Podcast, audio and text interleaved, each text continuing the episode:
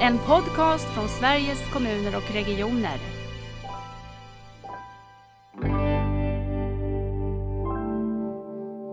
Det är på något sätt organisationens regler och avgränsningar som är, som är den organiserande principen snarare än användarnas behov och resurser.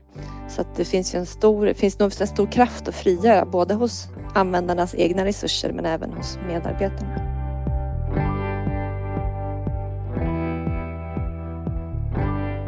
Och delvis försöka förstå system och problem men också att måla upp liksom en önskad framtid. Det handlar på något sätt om att skapa bilder av vart vi är på väg och skapa engagemang och motivation till att gå mot de här bilderna.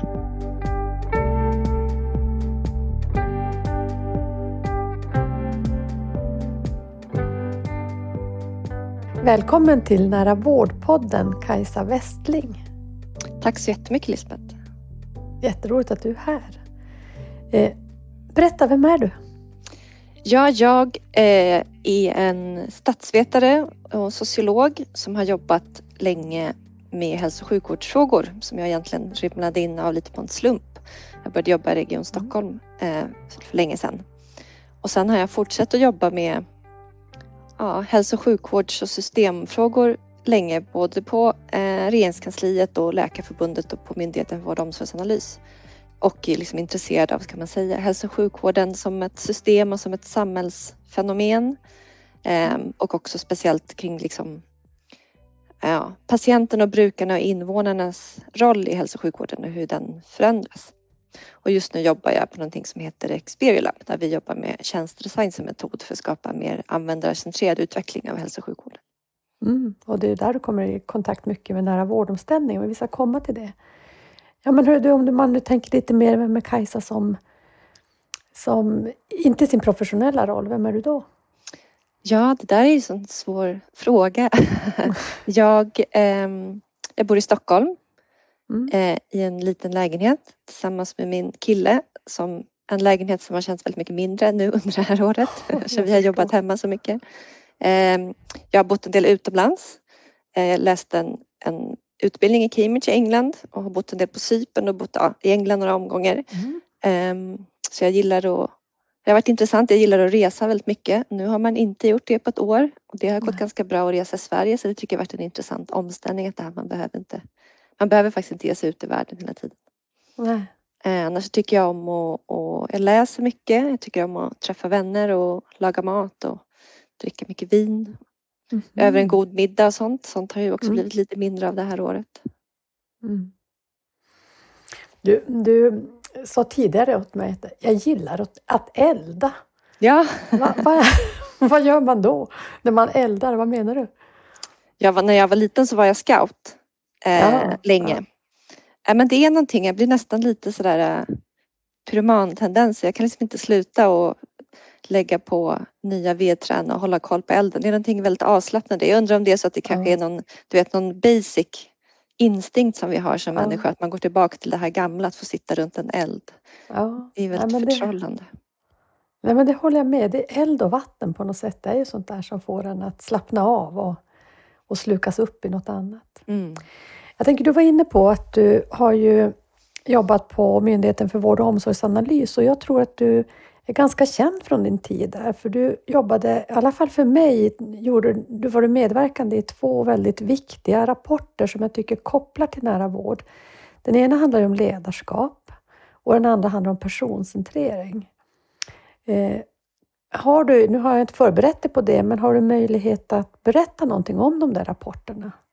Mm, absolut. Den, eh, det här arbetet kring ledarskap, det var ett regeringsuppdrag att mm. försöka titta på hur egentligen ledarskapet i hälso och sjukvården kan utvecklas. Som var liksom en fråga från regeringen till Myndigheten för vård och omsorgsanalys. Och då gjorde vi eh, väldigt mycket intervjuer med chefer runt om i hälso och sjukvården på olika nivåer. Eh, och då fokuserade vi ganska mycket på hur liksom ledarskapet kan bidra till, till förstärkt utvecklingskraft i hälso och mm. sjukvården.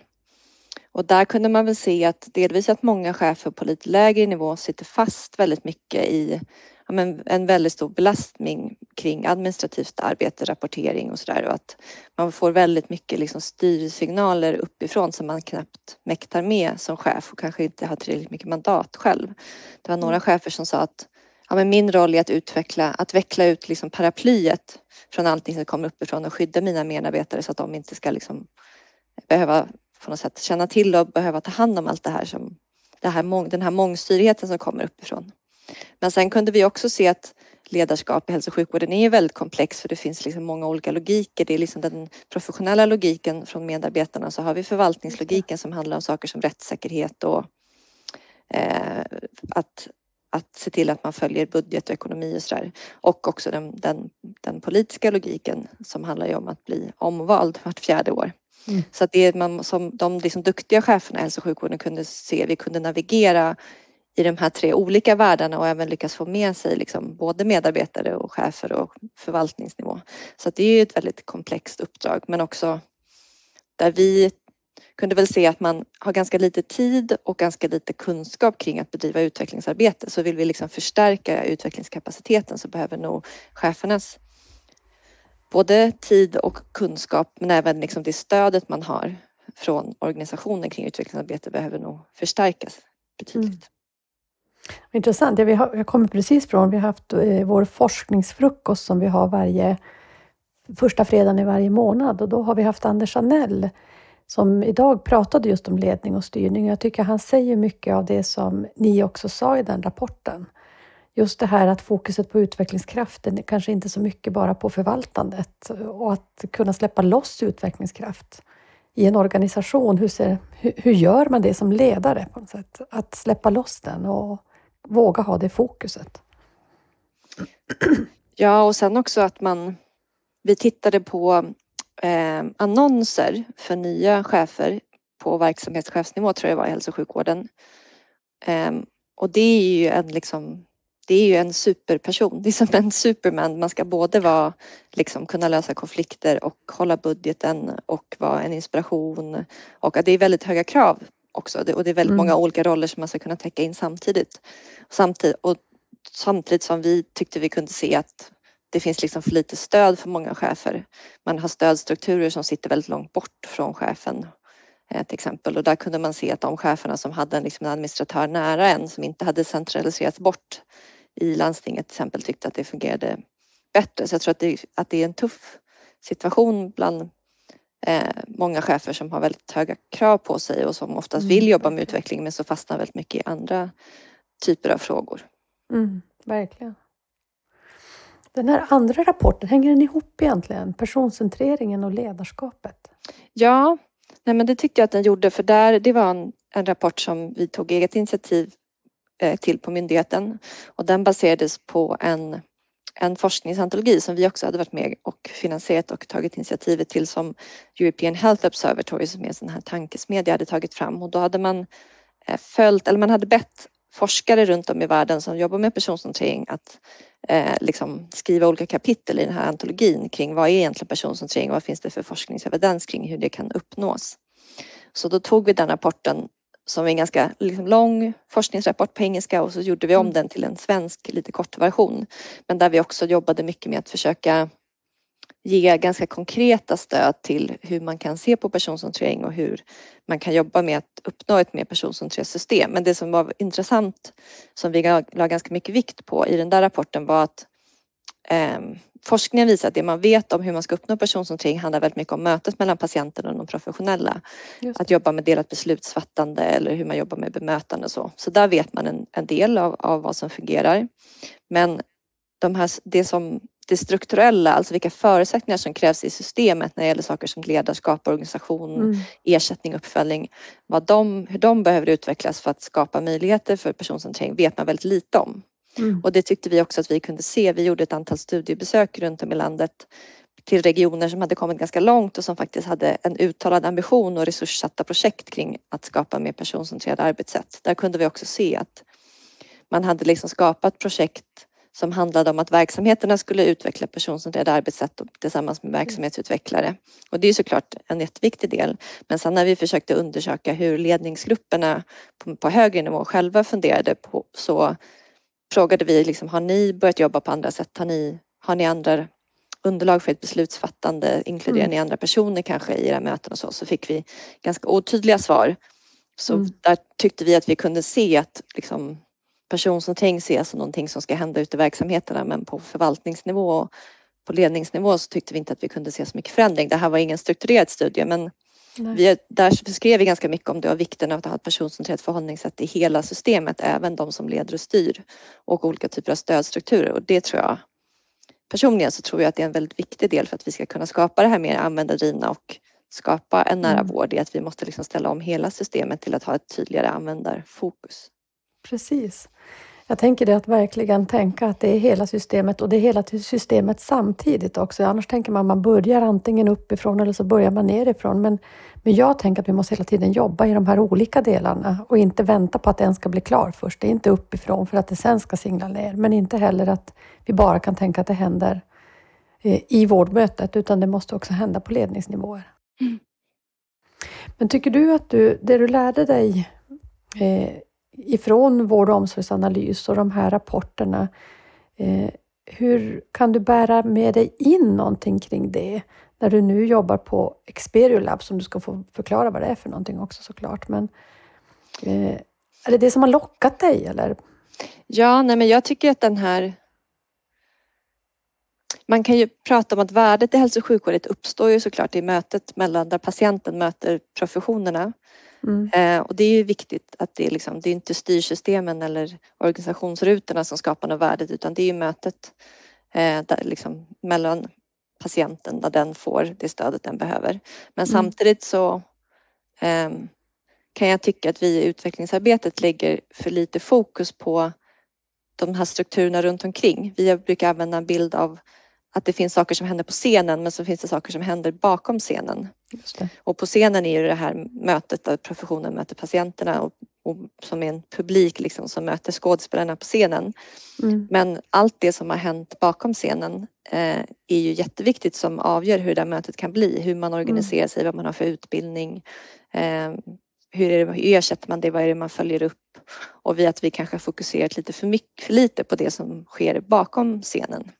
Och det tror jag också mycket av den här frustrationen som medarbetare, tänker jag, i hela offentlig sektor vittnar om är ju att de styrs väldigt mycket av det som händer bakom scenen och inte får riktigt det utrymmet att använda sin kompetens och sin, sin empati och sin liksom egen kraft för att hjälpa patienter. För där, det såg vi också i de här ledarskapsrapporterna att det på ett sätt kan det vara lätt att leda i hälso och sjukvården för att liksom varför vi gör det varför mm. vi jobbar i hälso och sjukvården är liksom givet. Människor drivs väldigt starkt av att kunna hjälpa andra människor. Och vi mm. hade med en, en IT-chef i arbetet som var med på en workshop och hon sa att så här, men ni ska vara, hon sa det till de här cheferna i hälso och sjukvården som också var med att tänk att ni har det naturligt. Vi måste ju liksom hitta på en drivkraft för våra IT-medarbetare för de vill också göra någonting bra för samhället men det är helt givet liksom i hälso och sjukvården.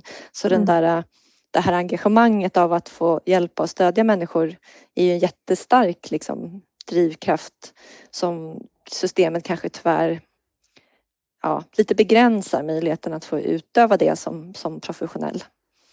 På grund ja, precis, vi använder ju inte riktigt den kraften för det tycker jag när man börjar prata om, eh, om varför och varför man ska ställa om vården nu och kommer in till de här sakerna som handlar om att göra gott, att bidra till samhällsutveckling, då känner jag, då går ju medarbetarna igång.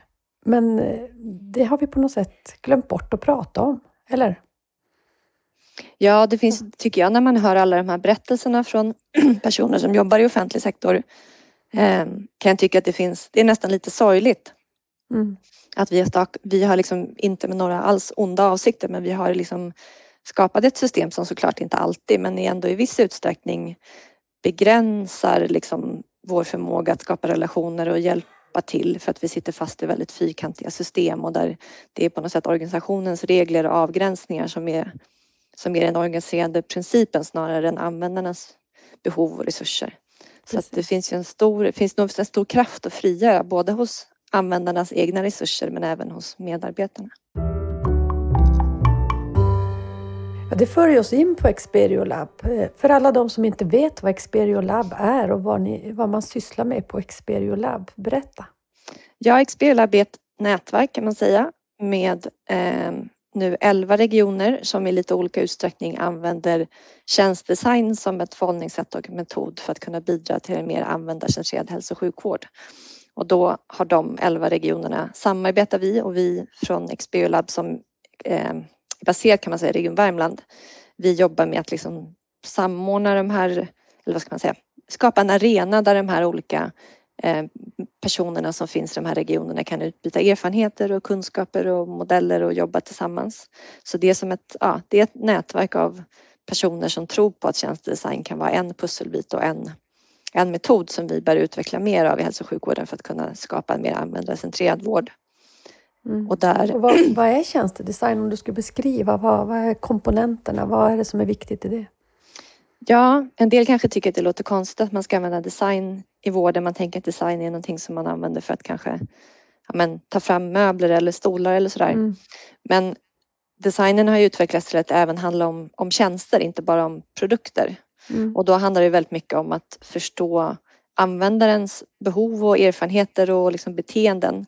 Att om den här tjänsten handlar till exempel om hur man bör strukturera arbetet eller designa en, en akutmottagning så måste man ändå förstå vad är det för förväntningar människor har när de kommer till akuten? Vad har man för liksom, målsättningar? Hur beter man sig inne på akuten? Och då erbjuder tjänstedesign väldigt bra metoder för att kunna delvis förstå de här erfarenheterna men också mm. kunna ta fram man jobbar oftast väldigt iterativt så att man, man tittar, man har en, en, frågeställning och så undersöker man den och då undersöker man den både från användarens perspektiv men även då personalens perspektiv. Och sen så när man har förstått det och, och hittat en fråga och kanske ett problem och ring, ringa in så kan man också börja testa. Vi har ju mm. en förmåga i offentlig sektor att tillsätta en utredning som sitter liksom i ett rum avskilt och tänker ut någonting även om man kanske såklart mm. samlar in data i intervjuer och sådär. Så är det oftast ett ganska liksom, av, begränsat sätt att arbeta. Design handlar snarare om att ta in många olika perspektiv och inkludera många aktörer och gemensamt testa nya versioner i liten skala eh, för att se vad som fungerar och inte och hela tiden ha med de som ska, de som ska använda och utföra tjänsten i den här testningen och sen iterera, alltså hitta det som inte funkar och sen så prova en ny, en ny version. Sen mm. har design också, i tjänstedesignmetodiken så finns det också en, ett fokus både på liksom det som händer i det partikulära men även på systemen. Att man hittar mm. ofta mm. att det som kanske inte funkar har att göra med inte bara den här mottagningen utan saker som händer kanske på andra mottagningar eller andra delar av systemet. Så att det finns en, ett systemperspektiv också, att en förmåga att kunna involvera många olika aktörer i arbetet, vilket jag tror är väldigt viktigt för, för hälso och sjukvårdens och liksom välfärdens utveckling. Så därför tycker jag att det är intressant att jobba med design för att man kan liksom samla olika aktörer i samma rum och delvis mm. försöka förstå system och problem men också att måla upp liksom en önskad framtid. Det handlar på något sätt om att skapa bilder av vart vi är på väg och skapa engagemang och motivation till att gå mot de här bilderna.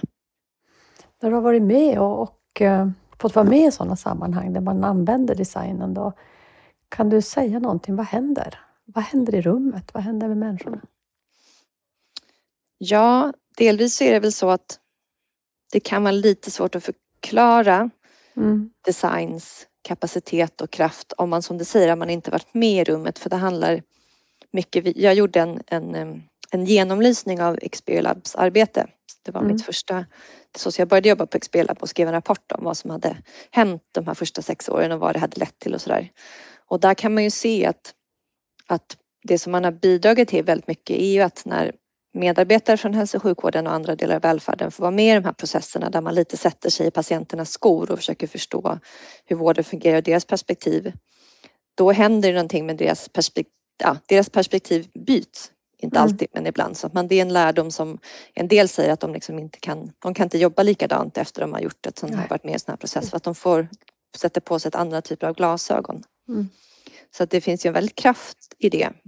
Ehm, att, att, liksom att, att försöka förstå eh, undersöka saker ur ett annat perspektiv. Så att design ska ju helst inte vara så att det kommer en konsultbyrå som gör någonting utan helst ska ju de som finns i verksamheten själva med i den processen så att de är med i det här utforskande arbetet av att se saker på andra, andra sätt. Mm. För på det sättet tänker jag ju att då, då handlar det både om vad man får för resultat just kanske kring den målgruppen eller den frågan. Men det handlar ju också om att bygga på något sätt hållbar förändring genom att man just får på sig de här glasögonen så man kanske inte bara tar av sig sen när man går därifrån till nästa mm, workshop eller vad man ska göra utan man inser att man har kanske inte haft perspektiv, det perspektivet med sig som man trodde att man ofta hade. Många säger ju att men, till exempel personcentrering, det stora motståndet brukar vara att vi tänker själva att vi redan gör det här, så varför mm. ska jag lära mig det här? Mm. Ja, och där ser vi att utmaningen är för våra labbmiljöer i Experior Lab. Det kunde vi se i den här genomlysningen som jag gjorde när jag gjorde väldigt mycket intervjuer. Mm. Att det blir fortfarande ganska mycket öar av verksamheter och personer som kanske har upplevt, tagit på sig dem, har hittat de här nya glasögonen men det är mm. svårt att få det Ehm, att få liksom mer strukturella förändringar. För oftast är chefer kanske inte med i arbetet på samma sätt. Och vi har inte riktigt de, den kulturen i hela organisationen eller vi har inte riktigt de stödstrukturerna. Så att därför blir vi intresserade av att inte bara jobba med tjänstedesign i liksom enstaka Nej. verksamhetsprojekt, även om det är superviktigt också. Saker som att ja, som sagt, designa om ett akutrum eller en mm. stroke process eller en rehabprocess och sådär som man jobbar med nu. Och som sagt, det, det är ett arbete som också eh, måste göras. Men vi mm. tror att man också måste börja hur kan vi liksom labba med och försöka se att hur, tar vi, hur kan det bli om vi tar på oss de glasögonen när vi jobbar med våra strukturer och våra system, det som händer bakom scenen. scenen precis. Det tycker jag är så roligt därför att jag tror att det här också är en otroligt viktig kunskap att ha när vi ska göra den här omställningen, eller jag är helt säker på det, när vi ska göra omställningen till nära vård. Och vi har ju eh, därför ett samarbete med på Experiolab eh, från SKR i någonting som vi kallar hälsolab. Kan inte du berätta lite grann om, om vilka aktörer som är med och, och just vad vi tänker där? Jo, Hälsolab är ett samarbete mellan Experiolab och eh, Centrum för tjänsteforskning vid Karlstads universitet och Linköpings universitet och eh, designfakulteten där, eller arbetet där och er på SKR. Eh, och det handlar ju om att vi tycker att vi kan se att om vi ska uppnå en nära vård som handlar ju väldigt mycket om personcentrering, att liksom utgå från patienternas behov och resurser, men också mm. ganska mycket om det här relationella, att mycket av det som, som gör att människor kan ta sig vidare i livet och kan känna, liksom känna sig friska och handlar ju om de relationer som, som patienterna kan ha till vårdpersonalen. Sen krävs det såklart den medicinska delen också, men det är på något sätt som att vårt system som har blivit så byråkratiskt och effektivt mm. har tappat bort det här med att det är det relationella som oftast är väldigt kraftfullt. Mm. Um, så då om vi ska uppnå då en liksom mer personcentrerad och relationell vård men också en vård där kommuner och regioner samarbetar så tror inte vi att de utvecklingsverktyg som vi har använt hittills i hälso och sjukvården och omsorgen riktigt kommer räcka till. De kan ju vara bra för vissa saker, att jobba med ständigt förbättringsarbete till exempel, det är jätteviktigt men vi tror att mm. det krävs mer transformativa förändringar. Vi behöver liksom jobba och tänka på helt nya sätt för att uppnå en nära vård. Så då tror vi att man också måste våga utforska och prova nya metoder. Så hälsolab är till för att vi tillsammans med regioner och kommuner ska utforska vad är de här nya metoderna, vad är de här nya arbetssätten där vi inte alls sitter på alla lösningar men kanske har Nej. en viss kompetens. Och vi tror också mm. att man kommer behöva vi ser ju att, att vissa utmaningar kommer vi inte riktigt till rätta till exempel hur vi tar hand om multisjuka äldre eller den ökade psykiska ohälsan bland unga. Eh, och vi försöker om och om igen driva liksom samverkansprojekt mellan kommun och region mm. kring brukare som har stora behov men misslyckas tyvärr ganska ofta. Mm. Och vi tror att det har att göra med att, att egentligen är de här problemen någonting som man kan kalla för komplexa problem. Eh, men vi behandlar dem så att de vore enkla problem. Vi liksom angriper dem i verktygslådan som vi gör kring någonting som är mer tydligt där man kan hitta en orsak som man kan liksom utreda så kan man sätta in åtgärder. Men de här komplexa problemen är mer svårförståeliga och man kan se dem på olika sätt från olika perspektiv och de förändras och så. Och vi tror att vi i offentlig sektor har lite för dålig verktygslåda för att förstå och jobba med de här komplexa problemen. Så det är en stor del av det som vi också vill utveckla tillsammans med regioner och kommuner. Hur kan vi liksom närma oss, närma oss den här komplexiteten? Mm. Och då, vi har ju börjat eh, tillsammans med med tre län kan man väl säga, tre piloter i Värmland, Örebro och Västernorrland. Kan du inte berätta lite grann om, om det? Mm, absolut. Jo, det här är ju ett arbete som, som, vi, som måste göras liksom på plats tillsammans med regioner och kommuner såklart. Vårt arbete handlar ju väldigt mycket om att stärka deras kapacitet och kunskap. Det är det, det viktiga. Så då har vi eh, ja, men hittat tre regioner, eller tre regioner som tillsammans med kommunerna i länet är intresserade mm. av den här typen av arbete. Eh, och i, i Värmland till exempel så har man, har man då, eller man ska säga så här, det har ju varit en, det är en ganska stor utmaning det här att få tanken var att regionerna liksom skulle gå ihop med ett antal kommuner och liksom gå med i det här hälsolabb. Men det har visat sig varit ganska svårt att få till. Mm. Kanske delvis att göra med pandemin men, men det också var i början, till exempel i Värmland, så krävdes det att man vi trodde med att vi skulle kunna komma med vår uttänkta designprocess där vi skulle jobba, liksom med, en, vi skulle jobba med en identifierad utmaning och så mm. skulle vi liksom samla aktörerna som finns kring utmaningen och jobba i en systemdesignprocess i olika workshops. Det gjorde det svårt med pandemin och sådär men sen så mm. såg vi också att det pågår så himla mycket redan nu som handlar om nära vård eller liksom mm. relaterade saker så att vi fick börja med att liksom inventera vad som redan pågår och snarare vart kan vi komma in och stödja med de här perspektiven. Mm. Eh, och det tog ganska lång tid. Det är väl en lärdom att de här, den här typen av utvecklingsarbete går inte särskilt fort. Nej. Men där har vi då i Värmland till exempel så jobbar vi med deras eh, målbildsarbete kring nära vård, att se till att det mm. kommer in många fler perspektiv där. Men sen också med deras handlingsplan kring psykisk ohälsa. Hur kan vi se till att brukarperspektivet finns med? Mm. Eh, Medan då i, i Örebro till exempel, där har man lyckats få till kring psykisk hälsa man fokuserar på. Där har man lyckats få till ett liksom arbete där kommuner och regioner gemensamt eh, gör en satsning kring psykisk hälsa och anställt två tjänstedesigners och en mm. följeforskare eller en forskare som ska vara med i arbetet för att liksom stärka upp metoddelen kring användarcentrering och jobba med, med användarcentrerade modeller. Mm.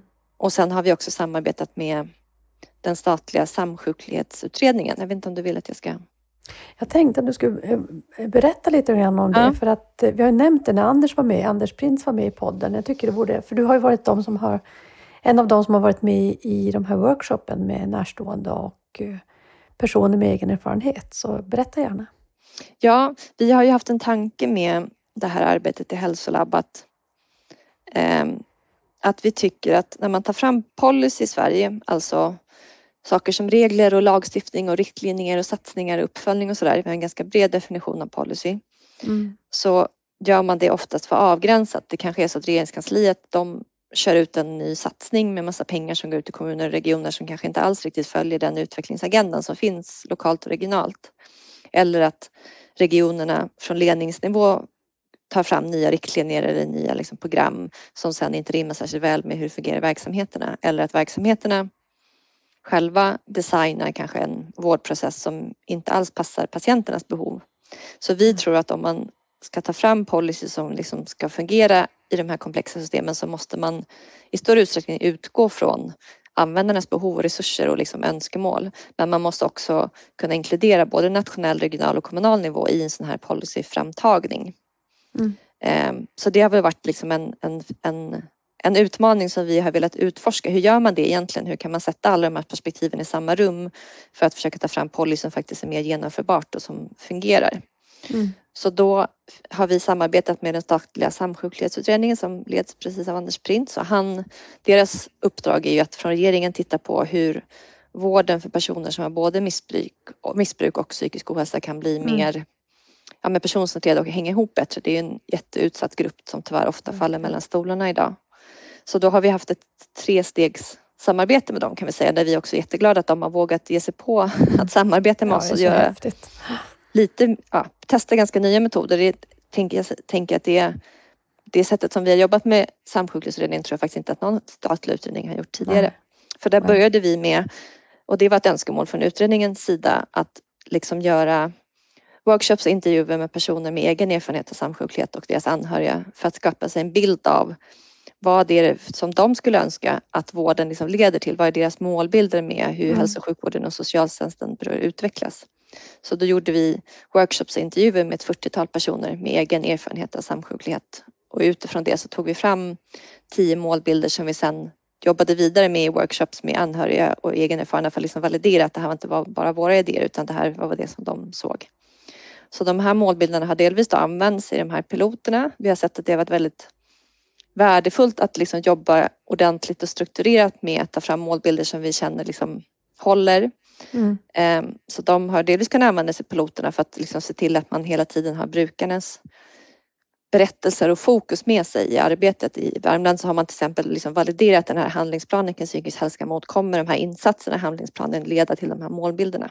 Mm. Men sen har vi också gjort en stor workshop i januari där vi ville liksom utforska tillsammans med de här tre pilotområdena att om vi ser att det här är vad brukarna och patienterna önskar, vad är det som står i vägen för att det ska bli så? Mm. Eh, och framförallt då när det, gäller, när det gäller styrning och ledning i den här systemnivå, det som händer bakom scenen. Så då hade vi eh, tre parallella workshops kan man säga digitalt då i Örebro, Värmland och Västernorrland. Och där vi hade både medarbetare och chefer och politiker från både kommuner och regioner som satt i liksom samtalsgrupper mm. eh, för att diskutera vad som var de här systemhindren var. Så det var en och då var även ni från SKR med och även mm. Samsjuklighetsutredningen var med och lyssnade på det här för att liksom samla in fack, eller liksom kunskap kring vad som är det som liksom på riktigt står i vägen i kommuner och regioner. Lagstiftningen kan ju eh, sätta nya ramar men det är ju i det, det, det aktuella, liksom det är det verkliga arbetet i kommuner och regioner som spelar någon roll. Så. Mm. Mm. Och sen har vi också som en tredje del av det så ska vi ta två av utredningsförslag och så ska vi prototypa dem som man säger i designspråk, så alltså att vi ska försöka skapa bilder eller visualiseringar för vad de här förslagen skulle kunna innebära och sen så diskutera dem tillsammans med både chefer och medarbetare och brukare och patienter för att förstå fördelar och nackdelar med förslagen. Så det är ett väldigt bra sätt från utredningens sida att få in jättemycket kunskap redan innan man är klar hur de här utredningarna faktiskt skulle kunna göra skillnad på riktigt liksom i verkligheten och kunna justera dem så att man inte bara skriver fram förslag som man sen ja, blir propositioner och sen blir lag utan Nej. man har försökt i alla fall fånga in olika perspektiv på hur de skulle fungera. Så det håller vi på med just nu. Så det är egentligen att vända tillbaka, tillbaka igen till de här grupperingarna som har eh, gett sina bilder av hur det borde vara och se, håller det här nu eller? Ja precis och hur kan vi där är det ju en viss utmaning att ta någonting som är en text, liksom, som ett mm. lagförslag är, till att mm. försöka skapa någonting som det går att leva sig in i och förstå. Liksom, hur skulle det här bli i verkligheten? Och det, det. finns ju en viss begränsning av att vi bara jobbar digitalt nu. Annars hade man kunnat bygga modeller och sånt gör ju designers annars. Nu blir det mm. bilder tror vi liksom, som kan göra att man kan börja liksom, triggas eller liksom, vet, det ska väcka någonting kring hur man tror att det här skulle fungera i verkligheten.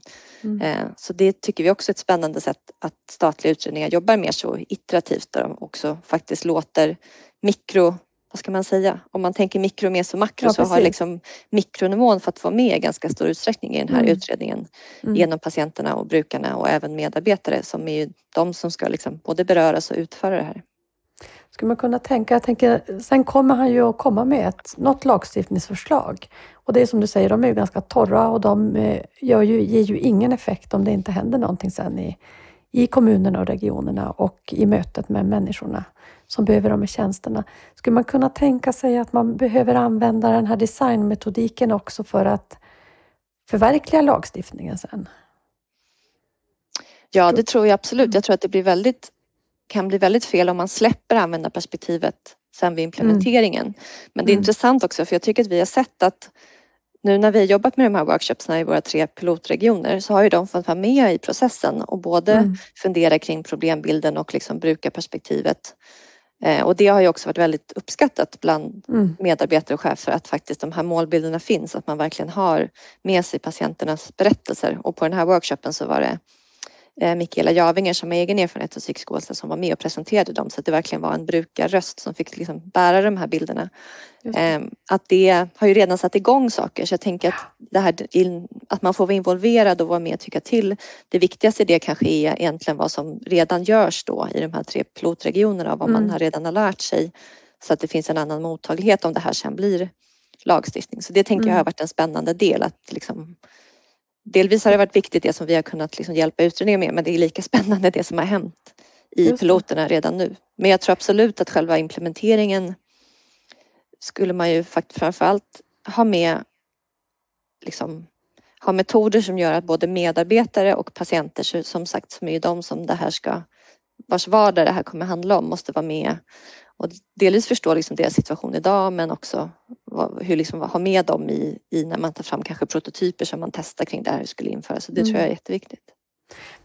Jag tänker dels när du säger det här med glasögonen, att de som har nu fått ha förmånen, får man väl säga, de här tre områdena att vara med. De har ju också fått förmånen att, att lite grann känna in det här i kroppen och få på sig de här glasögonen.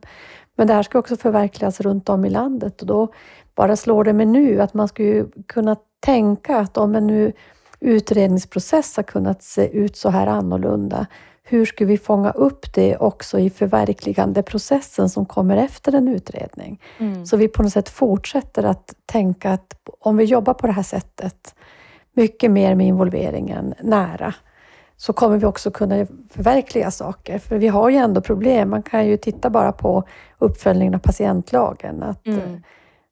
Det kan stå väldigt bra saker, men det hjälper ju inte så mycket om det inte landar någonstans i människorna. Nej. Nej, mm. jag tror också att man... Jag tycker att vi kan se vi har inte gjort någon liksom stor utvärdering. Vi har ett antal forskare som följer arbetet med hälsolabb men deras arbete är inte, är inte klart än. Men, så att, men det som vi tycker att vi kan se från vi som har jobbat med det är ju att det här med att inkludera patienter och brukare och utgå från deras röst och deras berättelser och deras liksom behov och resurser verkar skapat mycket engagemang. Alltså vårdpersonal och även chefer, de vill ju det här liksom. Det är ju det som driver dem också. Så jag, vi tycker att det har gett verkligen en skjuts i arbetet och kanske, för det krävs ju, vi hade en workshop nu häromdagen med chefer i Värmland som då skulle ge feedback på de här prototyperna kring de här förslagen.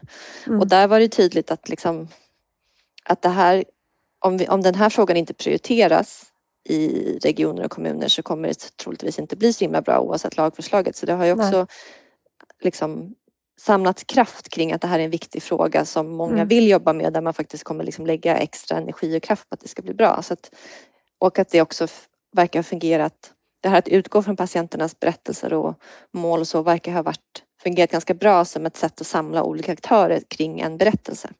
För det blir lite mindre att man kan komma och liksom vara osams om sina gränsdragningar och mm. ha de här andra kanske diskussionerna som man ofta hamnar i när man så tydligt ser liksom problemen för de är till för. så. Mm.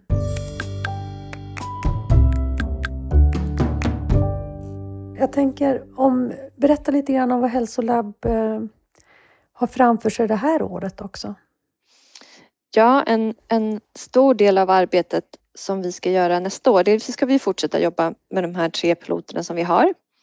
Och sen så ska vi också eh, vill vi ha nya piloter så är man intresserad av att, att kanske jobba med oss i hälsolabb och testa sådana här metoder så kan man ju höra av sig. Men vi har ju också ett arbete tillsammans med er som handlar om, om uppföljning. Mm. Och där har ju ni sett i ert arbete att de indikatorer och mått som finns idag kring som kan användas för att följa nära vårdutvecklingen och se om vi verkligen uppnår en mer nära personcentrerad vård oftast har ett ganska tydligt organisationsfokus och produktionsfokus. Precis. Och vi har ju en, en, liksom, en stark bakomliggande värde eller logik bakom vårt arbete är ju det här med att gå från en produktionslogik till en tjänstelogik. Vi tycker mm. att vi mm. ser att offentlig sektor idag väl, jobbar väldigt mycket som en, liksom, en fabrik. Man ska producera mm. ärenden eller operationer eller besök istället för att ha fokus på liksom det värde som ska skapas. Besöket i sig är ju inte viktigt om inte patienten mår bättre eller känner att någonting har blivit bättre. Så vi tänker att det skulle vara intressant att försöka, kan vi använda den här tjänstelogiken som handlar mer om att så här, vad är det som, som systemet i sin helhet skapar för värde för användaren och det är det som vi behöver mäta. Egentligen är inte antalet utredningar eller antalet besök det som är intressant utan det intressanta är slutresultatet. Så. Kanske det är att inte behöva besök som kan Nej. vara ett resultat. Mm. Ja men precis och, då, och där ser vi också exempel på eh, jag hade ett, ett en eh, berättelse som vi fick höra där man hade jobbat med att utforska hur man kunde ta hand om psykisk ohälsa bland unga på ett annat sätt. Eh, och, då, och, och, hur de, den här verksamheten kunde liksom jobba på olika sätt och då handlar det mycket om att inte, inte bara finnas på sin mottagning utan finnas Nej. ute i samhället där ungdomarna finns och på sociala medier och sådär. Och både eh, personalen blev väldigt motiverad av det här liksom tjänstedesignarbetet som gjordes men sen när det var klart då så kom man med ett antal rekommendationer. Då tyckte chefen för den här verksamheten att, att men det här kommer inte skapa mer mottagningsbesök och inte fler pinnar. Nej, just det. Och det är det som hon utvärderas på och mm. behöver kunna visa mot sina chefer uppåt i organisationen att de faktiskt är en välbesökt mottagning. Mm. Så då tyckte hon inte att det skulle jobbas med det här. Och det tänker jag inte riktigt den här individens fel heller utan det visar ju på det här strukturella att man sitter fast i ett system där man, där man ska liksom uppnå byråkratiska mål som att till exempel ha många besök snarare än det som det vi ska uppnå för de som vi finns till för. Så, så att det där är ju en stor omvandling som, där uppföljningen är väldigt viktig. Att det som vi mäts på liksom avgör ju hur vi premieras och hur chefer, om de har lyckats eller inte och hur medarbetare lyckats eller inte. Mm. Tillbaka till scenen på något sätt. Om det som är bakom scenen fortsätter i något gammalt eh, spår så kommer det också påverka att kunna genomföra det här som ska vara på scenen. Ja, och då kan vi liksom göra hur många tjänstedesignprojekt som helst. Om mm. det inte finns en mottaglighet i att tänka lite annorlunda bakom scenen så blir det lite ogjort. Liksom. Mm. Inte helt. Är vi är ju jätteglada att eh, tillsammans med er kunna jobba just med det här med uppföljningen också, för jag tror att det är en så otroligt stor nyckel. Men om, du skulle, om du skulle säga någonting kring eh, hälsolabb och, och den här tjänstelogikens bidrag till den nära vården. Hur tänker du att det bidrar? Ja, men det är väl en, en tankefigur liksom som hjälper oss att, att gå bort från det här med att vi ska i hur vi har gjort, hur vi har organiserat och styrt och leder från att tänka det här med pinnar och att vi ska producera så här många operationer och så här många besök eller så här många ärenden i socialtjänsten till att tänka att vad är det som systemet samlat gör för att hjälpa den här familjen med komplexa problem eller den här mm. multisjuka äldre. Och det där är ju en jättestor utmaning för vi har ju verkligen sedan efterkrigstiden fokuserat väldigt mycket på liksom institutioner. Den här institutionen finns till för det här och som har det här målet. Eh, och också liksom, vår, vårt ledarskap och våra ersättningssystem är liksom gjorda ut efter att man ska lösa problem inom en, mm. en institution eller en mm. organisation. Så att det är ju ett hjälp till att våga tänka hur skulle vi liksom göra saker på ett annat sätt om det handlar snarare om hur många olika kompetenser handlar egentligen mer om kan samverka för att stödja människor. Men också att vi måste våga se att det är ju inte på ett sjukhus som vi skapar hälsa utan det är ju människors mm. liv som hälsa skapas så att det är snarare så att vi i vården liksom bjuds in till att ibland finnas med i människors liv och hjälpa dem med olika saker. Mm. Och det är ju också en stor förändring. Nu har man ju väldigt mycket fokus på vad som händer när patienter rent fysiskt är i vården. Det är det som vi fokuserar på. Vi fokuserar mm. inte så mycket på alla andra dagarna när man lever med sin sjukdom eller sitt tillstånd. Nej, och det är där hälsan eller ohälsan finns på något sätt. Så mm. det är mm. väl en jättestor liksom, transformation som ju är tjänstelogisk. Att vi finns ju till för att underlätta individens eget värdeskapande och i Alaska som jag vet att ni har tagit upp tror jag i podden mm. förut, det systemet så lyssnade jag på den intervjun där i Vårdmaktspodden och han ja, beskrev det så himla fint att om man, det måste vara fokus på om patienten kan vara aktiv eller inte. Alltså om man är med om en bilolycka då är man ju inte en aktiv patient. Då behöver man ju komma till en akutmottagning och kanske opereras. Mm. Det är ju lite en annan sak. Då måste vi jobba med vår, liksom, hur vi jobbar med att se till att vi har en bra produktion och användning av våra operationsrum och sådär. Men den största mm. delen av sjukdomsbördan och kostnaderna är ju inte de akuta tillstånd utan det är ju personer som lever med kroniska sjukdomar som vi vet är en väldigt stor del av kostnaderna för hälso och sjukvården i Sverige och där är det snarare som att vi måste stödja liksom livsstils eh, omläggningar och liksom hur man lever sitt liv med sina kroniska sjukdomar och det är inte vårt system riktigt, riktigt eh, riggat för och där är ju patienten tvärtom aktiv. Så att det är de här, hur jobbar vi med de här aktiva patienterna när det handlar om deras egna beslut? Det är ju det som är viktigt. Så där har man där i Alaska liksom försökt kompetensutveckla personalen till att bli snarare coacher eller stödjare mm. kring patienter själva snarare än att vara de professionerna som vet allt liksom, och ska diktera hur patienten ska leva sitt liv om man mm. hårdrar det lite. Mm. För jag tänker ibland att, att det här med att vi är så fast i institutionerna också ett sätt att göra komplexitet på något sätt begripbart. Mm. Att börja få vara i min enhet, den förstår jag, men när vi börjar se att det här faktiskt är ett system som ska verka mycket mer i nätverk och som att jag tror att det där är en av våra utmaningar. Att kan du inte bara säga lätt vad det här med nära vård är och kan du inte säga enkelt mm. hur hur det här ska bli mm. och att det är någonting som är lite mänskligt att vilja, jag menar det här med känslan av sammanhang och förstå och, mm. och så. Har du grubblat på det? Ja, jag tänkte mycket på det när, vi, när jag skrev tillsammans med mina kollegor där på Våranalysen, rapporten om personcentrering. Mm. Då vill, fanns det liksom en lite av en så förväntan, kan inte ni bara ta fram en jättebra definition av personcentrering som alla mm. kan utgå från? Och då, ju mer vi tänkte på det där så tyckte vi att det går liksom inte för personcentrering handlar ju om att utgå från individens liksom specifika behov och det kan ju vara en individ kan ha olika behov under en vårdprocess. Är man mm. till exempel en en väldigt liksom resursstark person, som om man tänker på Sara Riggare som oftast får vara ett sådant exempel. Precis. Hon vill ju lära sig allt om olika behandlingsalternativ. Hon vill ju vara med och välja och, med sin läkare. Hon vill ju själv liksom mäta sina värden och ha, vara med på liksom en väldigt hög nivå i sitt beslutsfattande kring sin sjukdom eller kanske vara den som tar besluten. Medan om man kanske är en äldre person i livets slutskede så kanske man inte alls vill eller har den förmågan. Då handlar kanske personcentrering snarare om att de, när, de anhöriga får vara närvarande och att man känner sig trygg och omhändertagen. Så det går ju inte att diktera varken vad nära vård eller operationscentrering är med några meningar och det där tror jag är jättesvårt.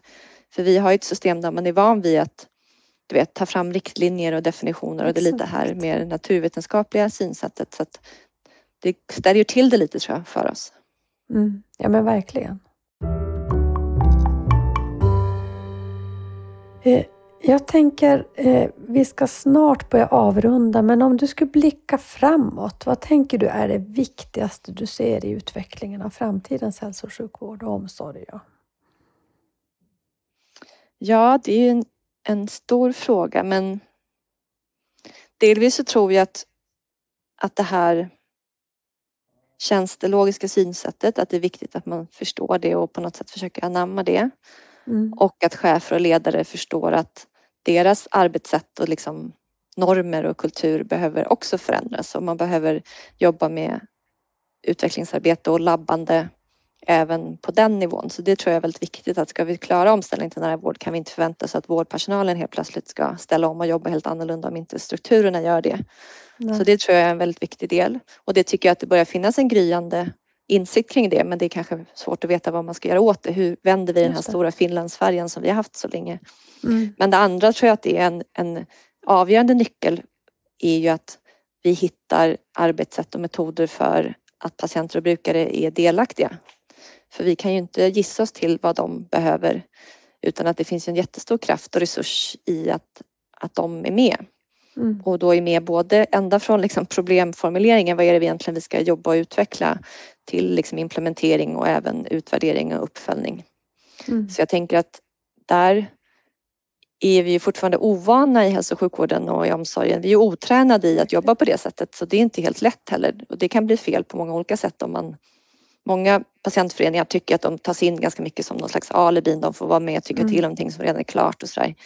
Så det krävs ju att man hittar det liksom arbetssätt som fungerar just för sin egen verksamhet eller sin egen region. Så jag tror att det där är en jätteviktig uppgift att liksom verkligen seriöst ta sig an det och även signalera från ledningen att det här är någonting vi ska göra och det här ska vi följa upp chefer på och följa upp medarbetare på huruvida man gör det. Och, men också ta in stöd och hjälp och kunna identifiera vad är det för vad är det för kunskaper vi faktiskt inte har i vår organisation som vi behöver utveckla? För det här är ju nya saker som vi behöver lära oss som vi inte kan idag. Mm. Så. När, du var på vård och omsorgsanalys så vet jag att era rapporter de uppskattades ju så mycket för att det fanns sådana här rekommendationer eller råd. Det blev ändå, i det här komplexa så blev det ju någonting att, att hålla sig i, någonting att tänka så. Nu eh, har jag inte alls förberett dig på det här, men om, om du skulle tänka några sådana här rekommendationer, du har sagt dem egentligen, men om du skulle säga dem, vilka är de där rekommendationerna? Det kan ju vara till mig som, och oss på SKR eller vad, vad tänker du är smart för oss eller för ledningen i kommunen och regionerna att, att ha fokus på framåt nu, att göra? Ja, men det är väl delvis kanske att om man, om man ändå någonstans måste man avgränsa lite grann så man kanske vill, man kanske måste börja och liksom nu ska vi prova ett nytt arbetssätt, då kanske vi måste jobba med en fråga först. Säg mm. att man jobbar med, ja, med barn med funktionshinder eller äldre musikskådelse eller så. Men att man då mm. kanske försöker börja med att istället för att börja med att vad ser vi för problem i vår organisation utan man börjar med delvis identifiera vilka andra aktörer finns det runt den här gruppen som vi behöver jobba med. Kommunen, Försäkringskassan, Arbetsförmedlingen eller vad det nu kan vara. Så det är väl en del att liksom i utgångspunkten ha ett, ett arbete där man börjar gemensamt. Det är inte så att regionen som det kan vara nu jobbar ganska länge med någonting och sen bjuds kommunen in lite på till vänster så. Mm. Men också att man börjar arbetet i att ja, intervjua, göra workshops, ha med patienter och brukare i arbetet för då får man nog troligtvis väldigt andra perspektiv på vad det är som, som behövs utvecklas. Mm. Så att det tror jag är en viktig del. Men också det här att, att liksom våga titta på vad är det vi inte kan idag och vad är det vi bör lära oss mer om det och hur kan vi hitta den kompetensen. Just det. Man också tänka att det kanske finns redan idag i organisationen medarbetare som kanske har gått ja, en tjänstedesignkurs hos Innovationsguiden. Att inte tänka att det bara behöver komma utifrån. Det kan ju också finnas sådana intressen och liksom drivkrafter internt i organisationen. Men att våga mm. se att det här behöver vi lära oss mer om. Men också att våga testa, att ha en, en organisationskultur som inte är för liksom ängslig utan att man får våga testa och våga göra fel. Annars så kan man ju aldrig, är det svårt att liksom börja någonstans. Exakt. Tack! Det, det är jättebra tips för oss alla att ta med oss. Eh, ja, du ska få den sista frågan, men jag vill fråga dig först. Är det någonting som du tänker att det här skulle jag vilja ha berättat om eller det här har jag sett eller det här har vi inte pratat om som du vill ta upp? Ja, men delvis så tänker jag att det här labbande förhållningssättet som vi vill jobba med i hälsolabb. Det finns ju exempel i många, ganska många andra länder där man mm. har det. Det fanns något som heter Danmark som heter Mindlab och det finns något som heter UK Policy Lab där man på regeringsnivå har sådana miljöer. Och det. har ju även eh, en forskningsrapport kopplat till Tillisdelegationen har ju också liksom eh, rekommenderat att vi ska ta fram eller ha en sån typ av yta inom kommittéväsendet. Mm. Eh, och de, Johan Kvist och Katarina Wetteredman som var med i den, skrev den forskningsrapporten är med i vårt arbete också. Men jag tänker att det är lite, vi ligger lite efter i Sverige på det sättet att vi har Precis. inte den här labbytan på nationell nivå där vi kan liksom jobba med stora utmaningar liksom sektorsövergripande och olika delar. Så det väl, tänker jag är något lite spännande att fundera på varför har vi inte det och hur kan vi, hur kan vi liksom få till det där att vi jobbar mer samlar olika aktörer olika perspektiv kring en fråga och vad är det för typ av yta som behövs för det tror jag. Och sen så mm. den andra delen är väl att både i det här arbetet med uppföljning som vi gör där vi som vi gör nu tillsammans med där vi utforskar vad olika grupper, framförallt de som har många kontakter med kommuner och regioner, vad de tycker är viktigt i värdeskapande vården för att ta fram ett antal områden som vi sen ska fundera på hur man kan följa upp det. Att det där vill vi gärna ha fler som är intresserade som kanske vill delta i det arbetet. Och likaså om man är intresserad av att jobba med tjänstedesign så kan man ju också liksom haka på Experior Lab-nätverket för samla liksom kraftengagemang. Vi är ju inte några utförare utan vi är snarare kanske en kunskaps och inspirationskälla eller man ska säga. Mm. Och er hittar man ju lätt på, på nätet. Ja, experiorlab.se precis. Mm. Jag tänker vad spännande med den här eh, statliga, eller inte statliga, men nationella labbmiljön. Tänk om det kunde vara någonting som vi nu kopplar. Ska vi göra den största omställningen vi eh, har gjort i modern tid av vårt hälso och sjukvård och omsorgssystem så skulle det vara väldigt intressant att ändå koppla på någon sån yta till också den omställningen. Ja, för jag menar, den, de yttre ramverken när det gäller lagstiftningen och satsningar, de sätter ju ändå den nationella nivån även om det är mycket som bestäms på region, regional och mm. kommunal nivå. Mm. Och där finns det ju en tendens att den nationella nivån också styr i stuprör med socialtjänsten mm. och hälso och sjukvården får separata uppdrag och sådär. Så att där tror jag att man skulle behöva fundera på. Vi är ett litet land dessutom. Mm, så att man skulle vara väldigt intressant att se hur man kan jobba mer. Och där är väl det arbetet vi gör med samsjukvårdsutredningen ett litet mikroexperiment mm. kring mm. så att jobba mer samlat på både regional, kommunal nivå och statlig nivå och användarna i en, i en lagstiftningsprocess. Mm, verkligen. Eh, avslutningsvis vill jag ju fråga dig också, vad, vad betyder nära för dig?